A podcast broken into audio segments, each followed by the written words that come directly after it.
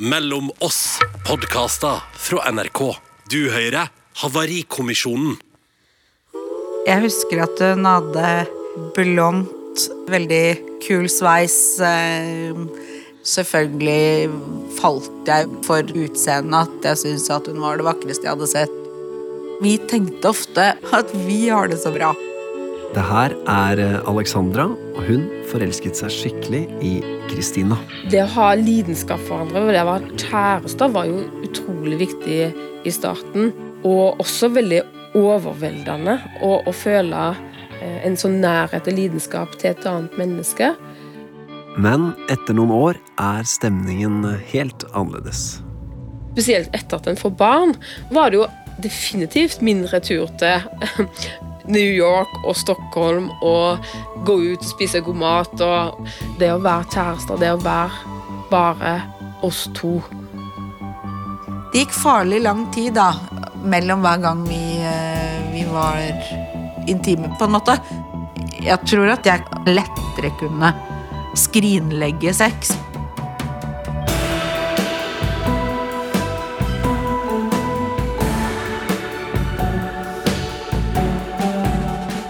Dette er eh, Havarikommisjonen. Jeg heter Eivind Sæther, og sammen med parterapeutene Katrin Sagen og Sindre Kvitil Aasli skal jeg dykke ned i det som en gang var en eh, lykkelig kjærlighetshistorie, og forsøke å finne ut hvorfor eh, forholdet havarerte. Katrin, hva kan skje med et par hvis den ene skrinlegger sex? Da kan det oppstå ensomhet, savn, utilstrekkelighet. Hva tenker du, Sindre? Jeg tenker at når sexen funker, så funker den, og da tenker vi ikke så mye på det. Men eh, når sexen ikke funker, så tar den fort opp mye plass i parforholdet. Og vi skal snakke mer om eh, seksualitet, men først så må vi høre hvordan Alexandra og Kristina fant hverandre. Og den historien starter en klar høstdag på Rådhusplassen i Oslo.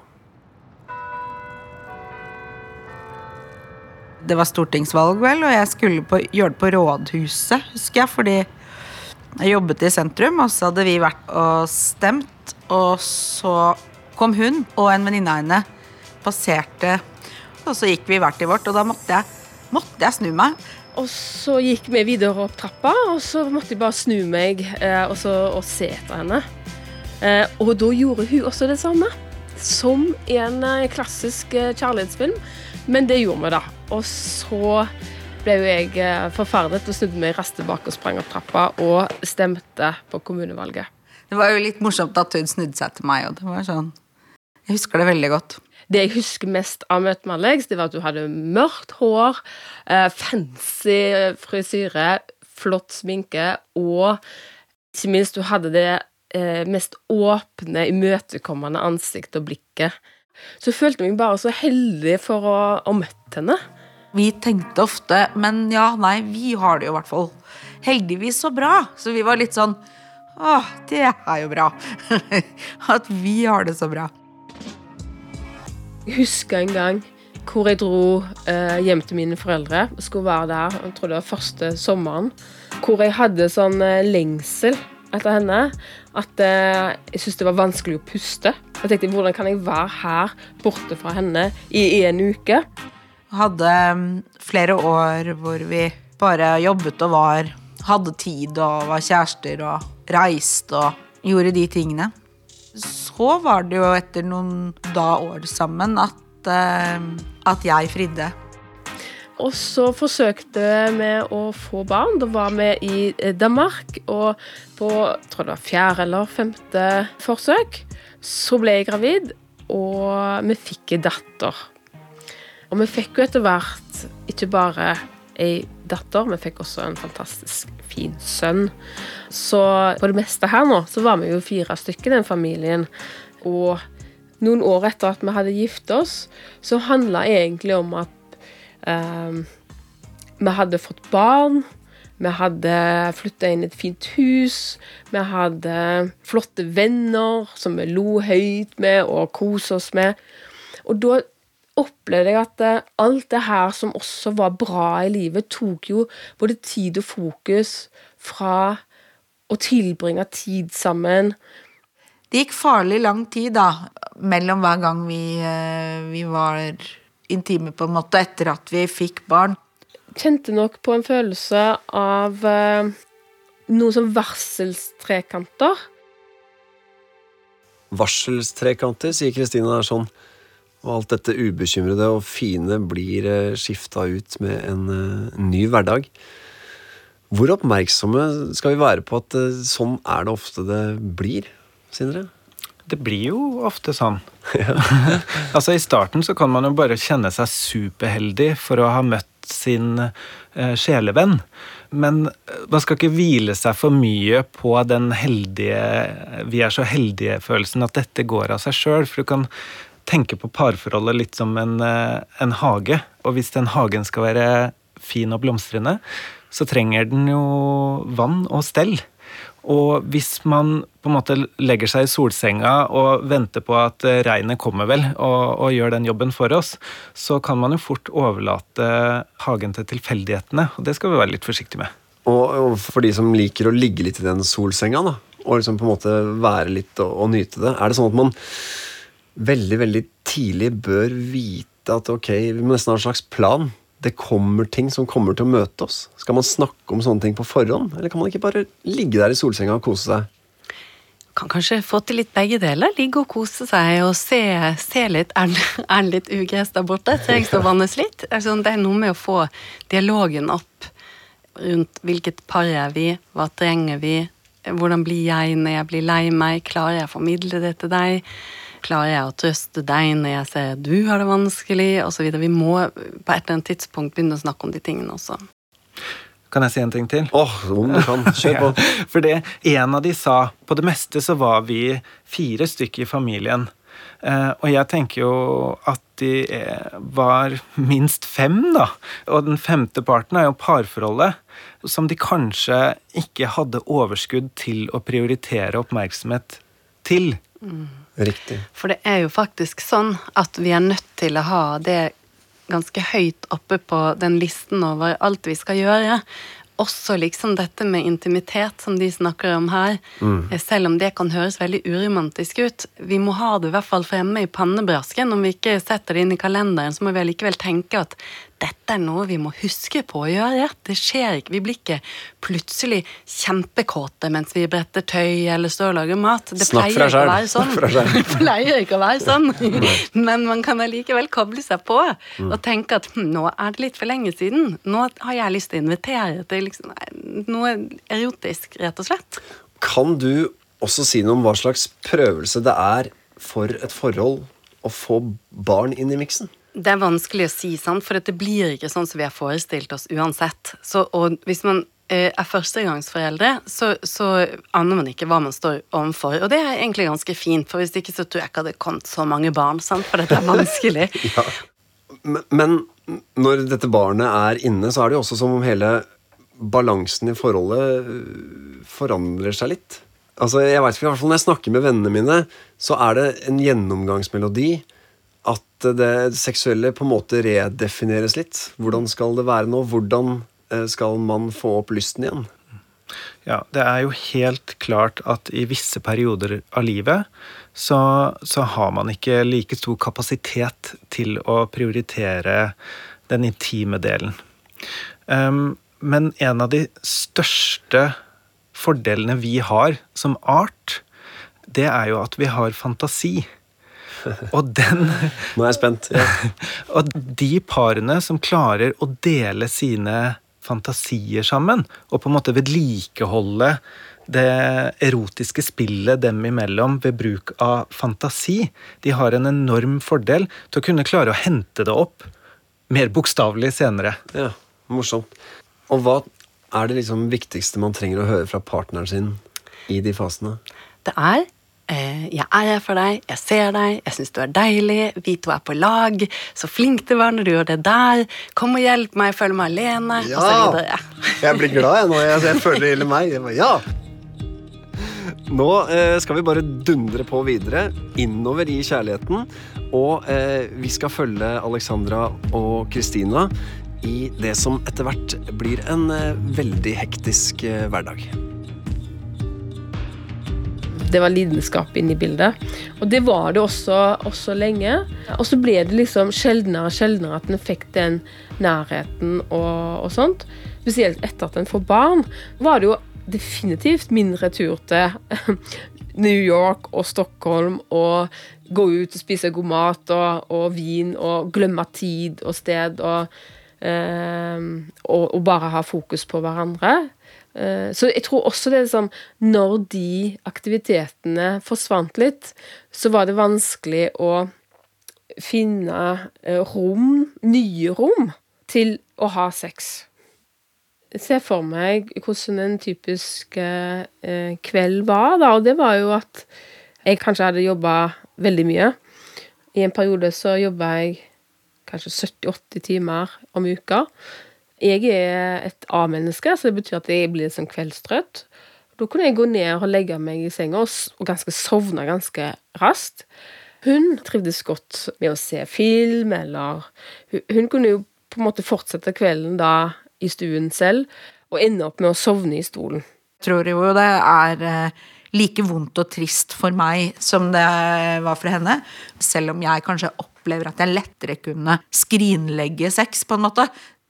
Jeg syns det er aller lettest å legge vekk mine på en måte egne behov, og gjør det såpass grundig at jeg glemmer at de var der hvordan jeg behovsutsetter meg selv, holdt jeg på å si, så gjør jeg det da med en på en måte såpass overbevisning at uh, den andre parten nesten tenker at jeg har mistet lysten på å ha sex, eller ikke sant? Jeg husker ikke helt uh, hvem av oss som tok mest initiativ, men jeg lurer på om det var meg, og at jeg da slutta å ta det initiativet på et tidspunkt.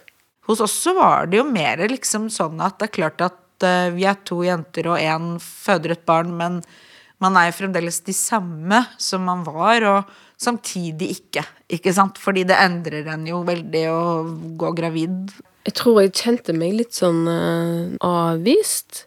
Det kan jo være sånn da, at, man, at jeg kunne tenke at nå burde eller skulle eller hadde jeg hatt lyst, men at initiativet, liksom, det var vanskelig for meg å ta. For da, på et eller annet nivå, ville det nesten føltes feil for meg eh, å ta det initiativet, hvis ikke jeg følte at vi var der, begge to. Så når det går lang tid mellom hver gang, så opplevdes det selvfølgelig litt sånn risikofylt å skulle ta Altså for den som skulle ta initiativet til det og sånn. At vi ikke hadde tid, på en måte. Eh, eller krefter. Og to barn, begge to egentlig ganske krevende jobber, i hvert fall. Alle de tingene var liksom veldig sånn gode og gyldige forklaringer på at vi det, det, hadde vi jo ikke tid til å plage oss med, at vi også burde være ordentlige kjærester. og plutselig så går det litt tid, og så tenker en Men det blir bedre til sommeren. Ikke sant? Da skal vi ha fri, da skal vi liksom Eller det blir bedre når jeg er ferdig med dette prosjektet på jobb. Sindre, er det som de sier her, at det er faktisk en, en risiko å droppe nærhet og sex? Ja, jeg tenker det.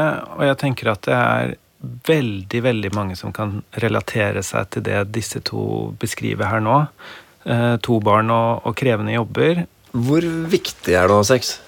Det er jo noe som de er inne på. Det er noe vi gjør, i hvert fall i de aller fleste parforhold, bare med partneren. Ikke sant? Det er noe som er helt eksklusivt for oss. Som, eh, og i tillegg til det, så er det jo eh, masse som skjer igjen sånn hormonelt i kroppene våre når, når vi har sex. Sant? Som oksytocin og sånne typer hormoner som utskilles, som handler om å kjenne nærhet etterpå. Som gjør at vi kobler oss på hverandre. Vi kommer litt nærmere hverandre etterpå. Mm. Men det er jo så mye mer enn det å være nakne sammen også. For, Hva er det? Jeg tenker jo at vi med stor fordel kan utvide eh, seksualitet til langt utenfor soverommet. Eh, vi har en tendens til å tenke at seksualitet er sex, å være naken og ligge sammen. Men eh, det å gå ut og spise sammen, eh, og høre på musikk sammen, drikke vin sammen, gjøre alle disse tingene her, er en del av det erotiske spekteret. Eh, Hvordan da? Unnskyld at jeg bryter inn. Du kan tenke nesten på det som fem gir, da. Okay. Altså, gir én se hverandre i øya. Bra gir. Gir to gi hverandre en god klem. Tre tafsegiret. Oh. Og, ikke sant? Og oppe på fem Hva er femmeren, da? Der er det full blown ligging. Jeg skjønner. Ja. Ok, men, men det er fint å, å bevege seg rundt i andre, tredje, fjerde gir også. altså Når jeg skal kjøre ut fra gårdsplassen min, Ja. så begynner jeg jo i gir nummer én.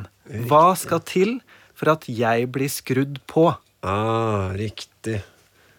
Helt enig, og det er, det er jo noe av det som har gått tapt her, som de savner. ikke sant? Dette her, Denne slags ja, men erotiske dialogen eller flørten eller sånn, som ikke trenger å koste så masse, men som vi kan på, ja, men krydre liksom hverdagen med.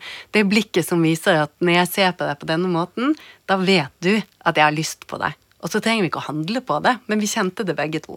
Ja, riktig. Så det, lidenskapen er mye mer enn det man ofte tenker på, som er de, eh, nakenheten og liggingen og hele den pakka der.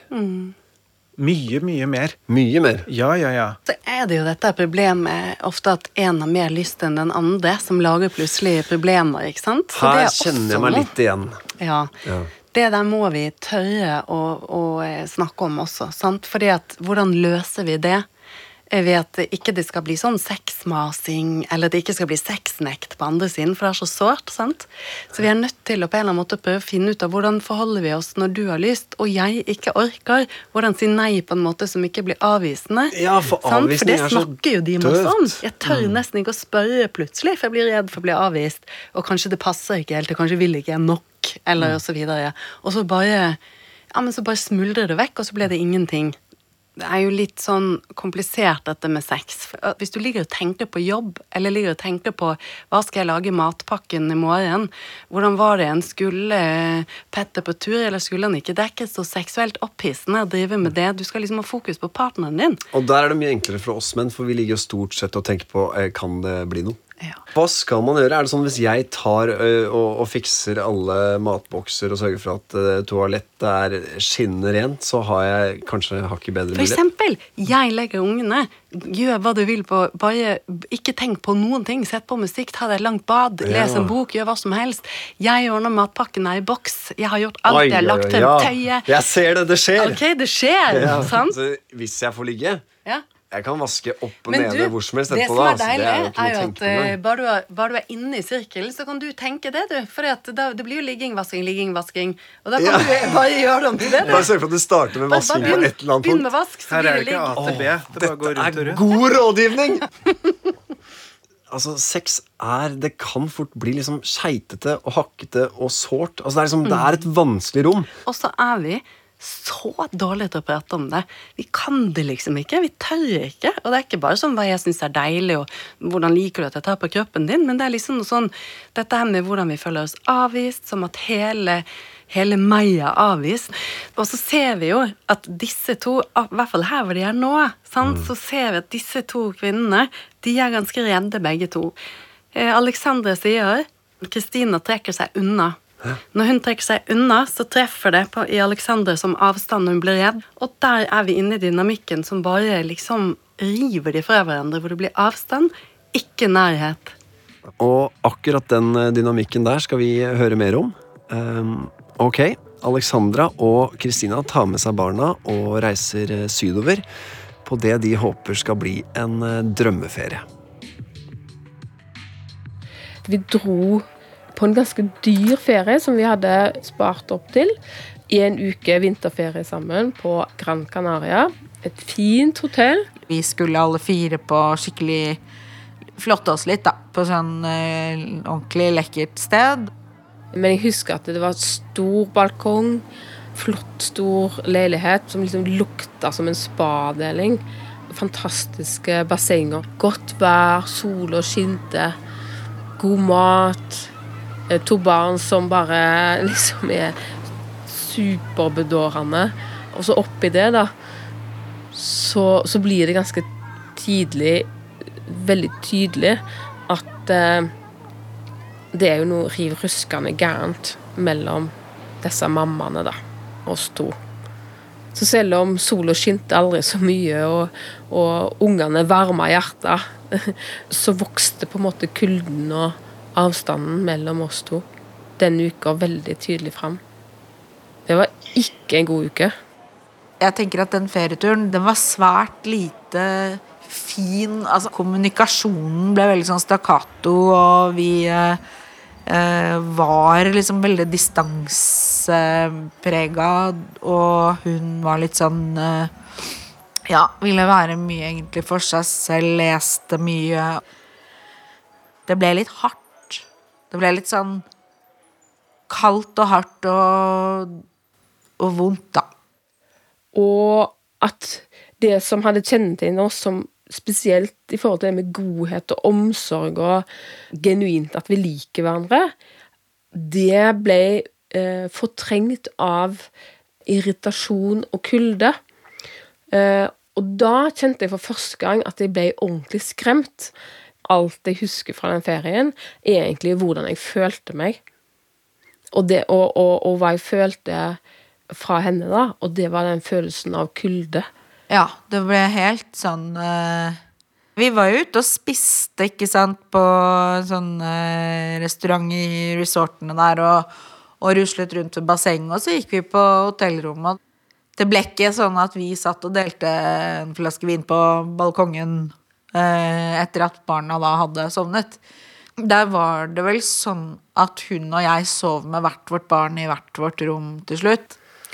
Vi snakket om alt som var vanskelig, og alt som var fint, utenom det å ikke være kjærester. Jeg opplevde, foruten det å prate om intimitet, så prata vi om nesten absolutt alt. Hva liker en, hva liker en ikke, og, og når det begynte å bli slitasje på at nå var det virkelig svært lenge siden vi hadde vært intime, at da var på en måte det vinduet lukka. Det var på en måte muligheten var litt sånn gått forbi for oss. Jeg har nok gjort meg noen tanker rundt eh, dette med at vi er et lesbisk par, og om det påvirker oss på en måte. Eh, I kraft av at liksom Ja, vi er, vi er like, da, ikke sant? Og vi, eh, vi mangler testosteronet, og, og eh, man eh, kan bli liksom fort veldig sånn et et team, venninner Altså gå i denne altså, Godt gammelt lesbeuttrykk er det derre vennefella. Sindre, vi hører de snakker om vennefella. Ja. Det gjør vi. Åh, jeg fikk sånn eh, vondt i magen av å høre den på den Granca-turen der. Ah, det er grusomt. Ja, og, og jeg må, må, bare få sagt noe om det først. For det, altså, det blir jo da så tydelig på det flotte resortet de er på, den, en dyr, flott ferie, da blir det jo ekstra tydelig at mm. ting eh, ikke er som eh, de skulle ønske det var. Men vennefella, ja. Um, altså, et godt kjæresteforhold det hviler på ja, kalle det tre grunnpilarer. Okay. En av de er vennskap. Vi er fortrolige og har et godt vennskapsforhold. Det er viktig. Det andre er at det er en forpliktelse altså en slags kontrakt som er inngått. Og den kan se veldig ulik ut fra par til par. Det siste er uh, intimiteten. Så et godt parforhold hviler på disse tre pilarene. Mm. Men i ulike faser av livet så vakler det jo. Og her uh, er det pilarvakling? Her er det pilarvakling. Intimiteten den har vakla ganske lenge. Også, men de, har, uh, de er forplikta til hverandre, og de har et vennskap Helt til nå du hører at på Granca blir det kaldt. Vennskapet begynner å vakle. Og da er det plutselig to grunnpilarer nede, og da begynner det å spøke. Jeg vet ikke om det, Dette er kanskje et litt rart spørsmål, men er det også sånn at dette med sexlyst er annerledes når det er to kvinner i paret? Kan jeg kjenne igjen fra andre lesbiske par som jeg jobber med, at de, de snakker om noe som det, noen, det, var en som kalte det for seksmånederstørken. Hun sa vi har ikke noe testosteron som hjelper oss over kneika, liksom. Så når vi begynner å ikke få lyst, så er det ingen av oss som liksom klarer å få tatt initiativet ordentlig.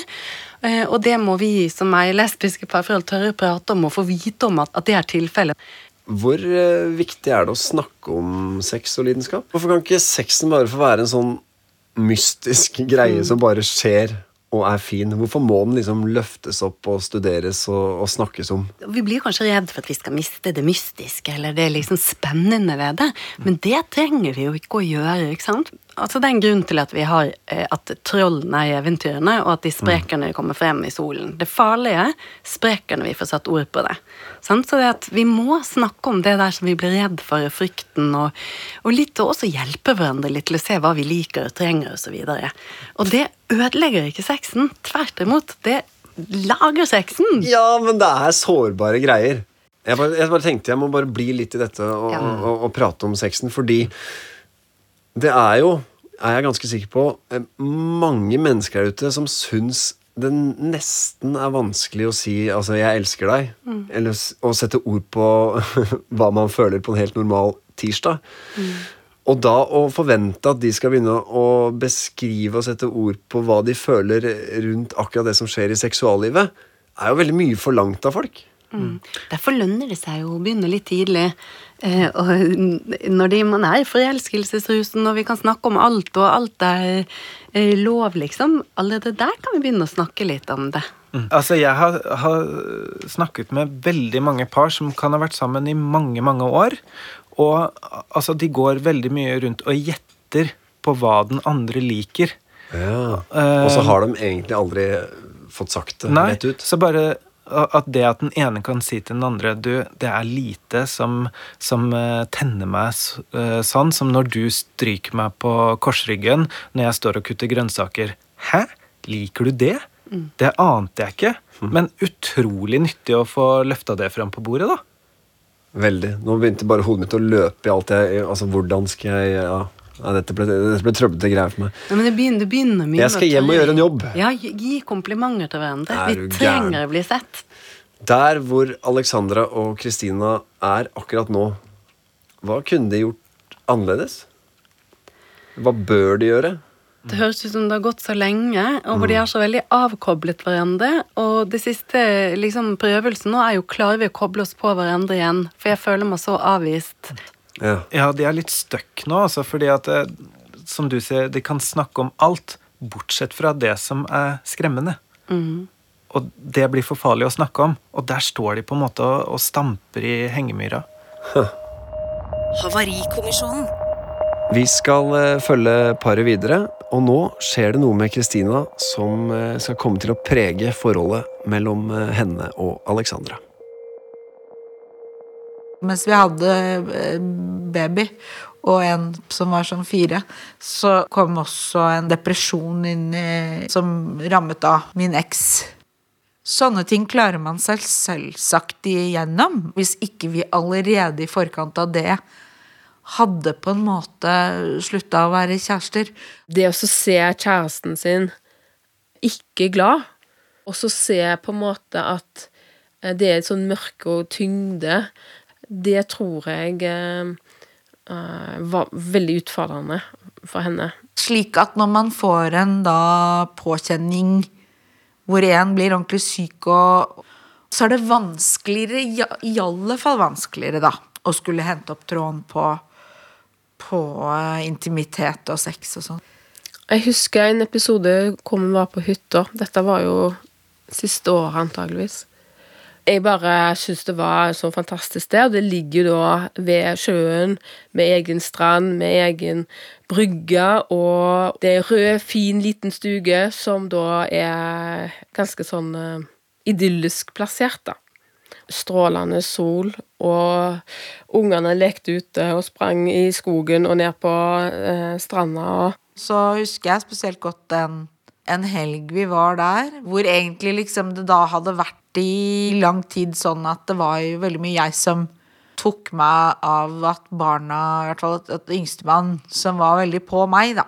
Og det er klart at noe av dette var jo også delvis etterdønninger eller rester av en depresjon.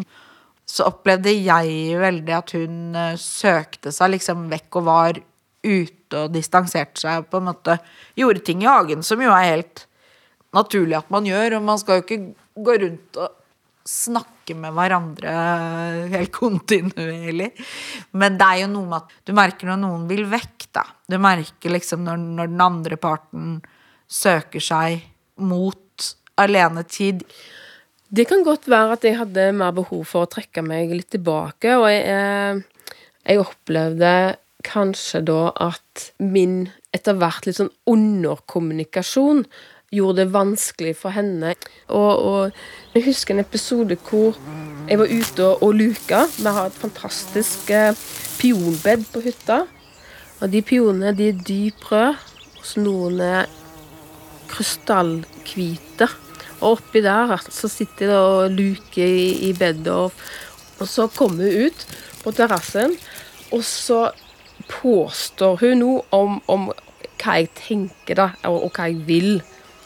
Og så snur jeg meg, og så kommer jeg liksom ut av denne lukesituasjonen. Og så titter jeg på og lurer på hva er det nå som skjer. Jeg konfronterte henne liksom, kanskje veldig brått med at, at jeg følte at hun rømte fra oss. Det eneste jeg hadde da gjort den siste halvtimen, var jo på en måte å, å være oppi det bedet. Mens hun da hadde tolket eh, kroppsspråket mitt, da. Der jeg sto liksom oppi bedet til da å handle om noe som var vanskelig. Og da husker jeg jeg sa men, men det har jo ikke jeg tenkt. Eh, hvor hun påstår jo, det har du. Og så, så sto jeg litt stille, og så sier jeg ja, men du kan ikke vite hva jeg tenker på, sier jeg da. Og så får jeg svaret jo, det vet jeg. Så jeg kjente at da ble jeg liksom så sint plutselig for at hun trengte å være alene. Da opplevde jeg det som ensomt, ja. Kristina trekker seg unna, og Alexandra får ikke kontakt. Katrin, hva, hva er det vi er vitne til her? Her er vi vitne til ja, men den, dette vi kaller for den vonde dansen, eller grunnscenen, eller denne dynamikken som tar par og lager avstand og hvor vi ser at på en måte Alexandra er inne i noe. ikke sant? Hun kjenner på eh, avstand, at Kristina vil vekk. Hun får en hypotese om at hun er, hun er liksom på vei vekk fra meg og oss, barna, liksom. Eh, kjenner seg ensom, er sårbar. Og så skal, vil hun konfrontere Kristina med det, så blir det jo blir det ganske hardt. Og så kjenner hun seg kritisert, plassert, misforstått. Dama mi aner ikke hvem jeg er. Ikke sant? Så går hun inn og forsvarer bagatelliserer litt, og så er de dypt inne i denne dynamikken. Mm. Og hvis vi også skal snakke litt om at uh, her er det noe annet som blander seg inn også, for det er en, en, depresjon som blir omtalt. Hva gjør det med et forhold når en sånn type utfordring rammer?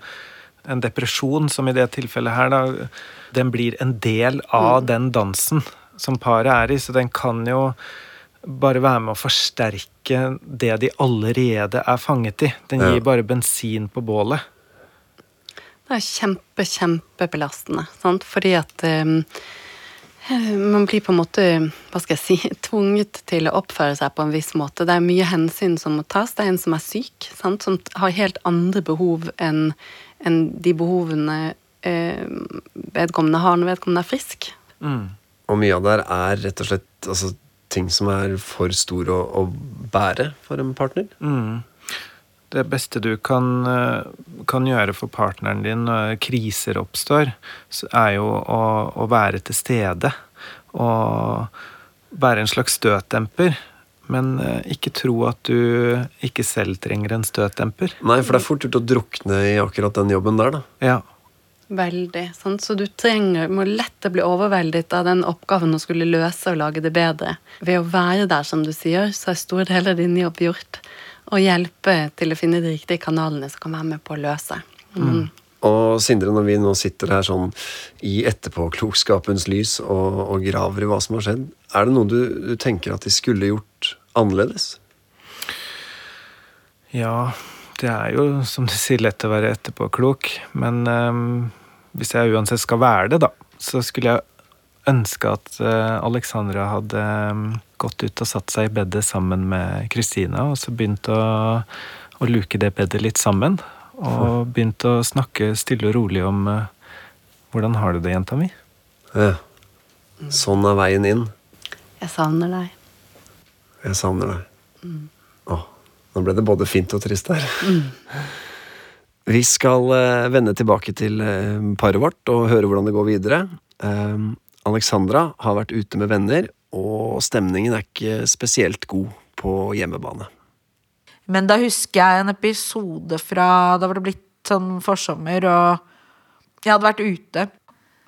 Og jeg husker i hvert fall at jeg fortalte henne at det var en som liksom hadde prøvd seg litt, da.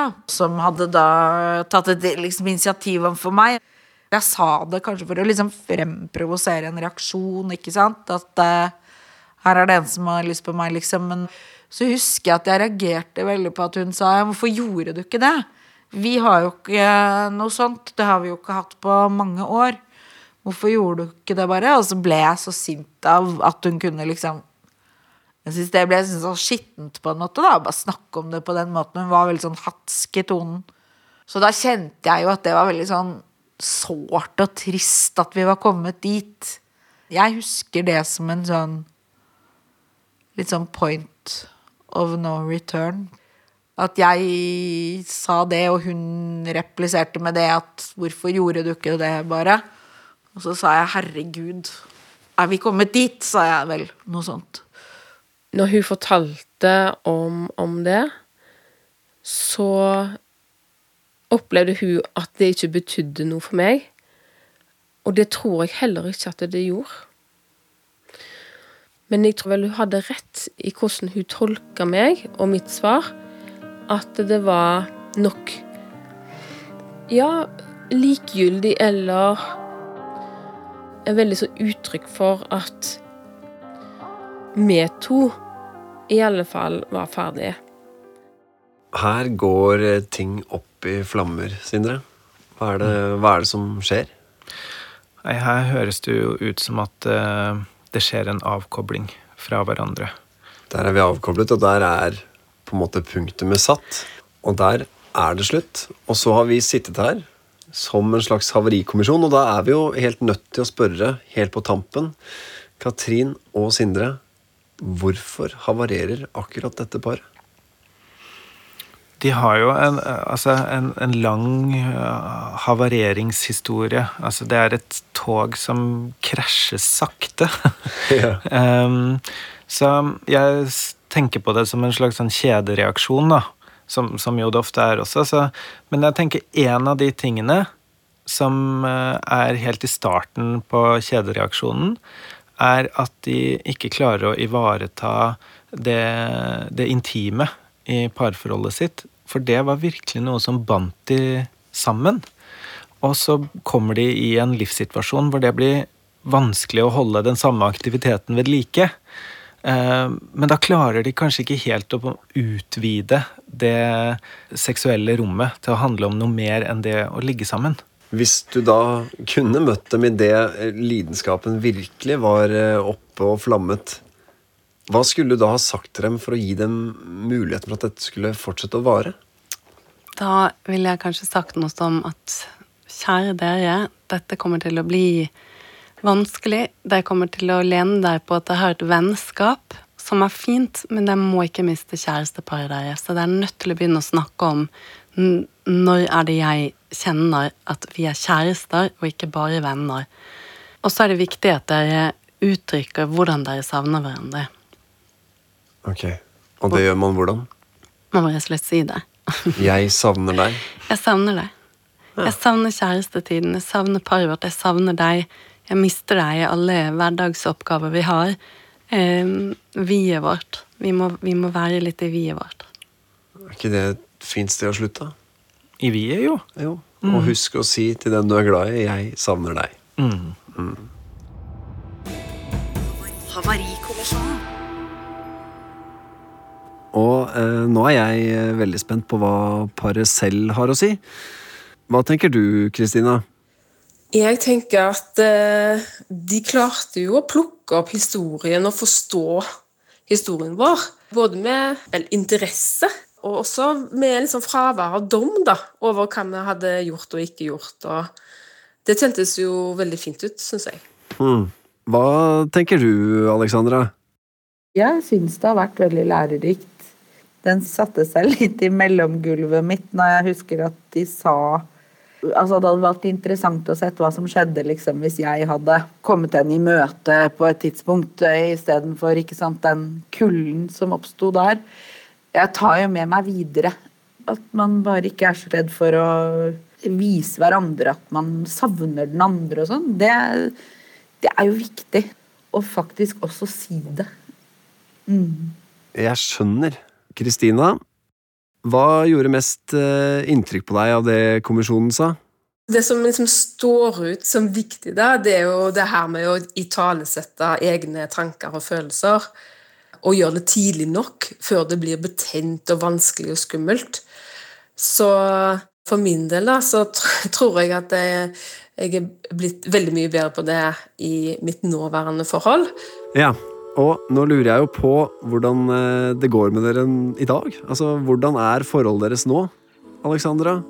Et veldig godt samarbeid om barna, i tillegg til å ha en veldig sånn fortrolig vennskapsrelasjon. Så jeg syns jo på en måte at vi har vært veldig heldige når vi tross alt mista det å være, eh, å være kjærester.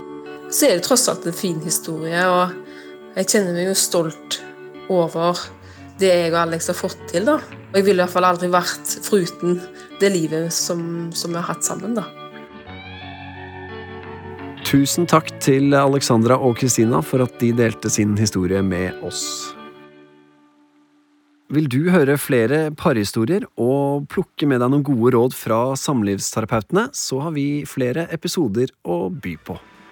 Vi har prata mye, syns jeg, om alt mulig. Og så er det jo definisjonen av prate om. Jeg, jeg har jo kjefta mye òg. og det, det, går ikke under definisjonen å prate om, eh, dessverre. Man tenkte jo noen tanker sjøl innimellom at det er kanskje ikke helt topp. Men så tenker man at det er, man har liksom gifta seg, man har lovet det. og Foreldrene mine har skilt seg, jeg skal jammen ikke komme i den posisjonen ikke tale om, liksom. Havarikommisjonen er laget av Caroline Møller og Maja Østerud. Lyddesign på denne episoden Lillian Grønning og Hans Ole Hummelvold. Redaktør er Randi Helland. Mitt navn er Eivind Sæther. Havarikommisjonen.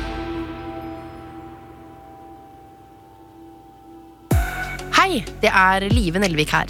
Jeg har tre barn, og noe av det mest fantastiske jeg har opplevd i livet, det er å bli lastet ned som podkast av deg. Hver uke i Lørdagsrådet løser kjente fjes helt vanlige og nokså uvanlige problemer. Som for eksempel jeg er vegetarianer, men snikspiser kjøtt. Eller kjæresten min tror ikke på månelandingen. Må jeg slå opp? Det vi prøver å løse, det er ekte, og det er sendt inn av deg. Last ned Lørdagsrådet og andre podkaster i appen NRK Radio.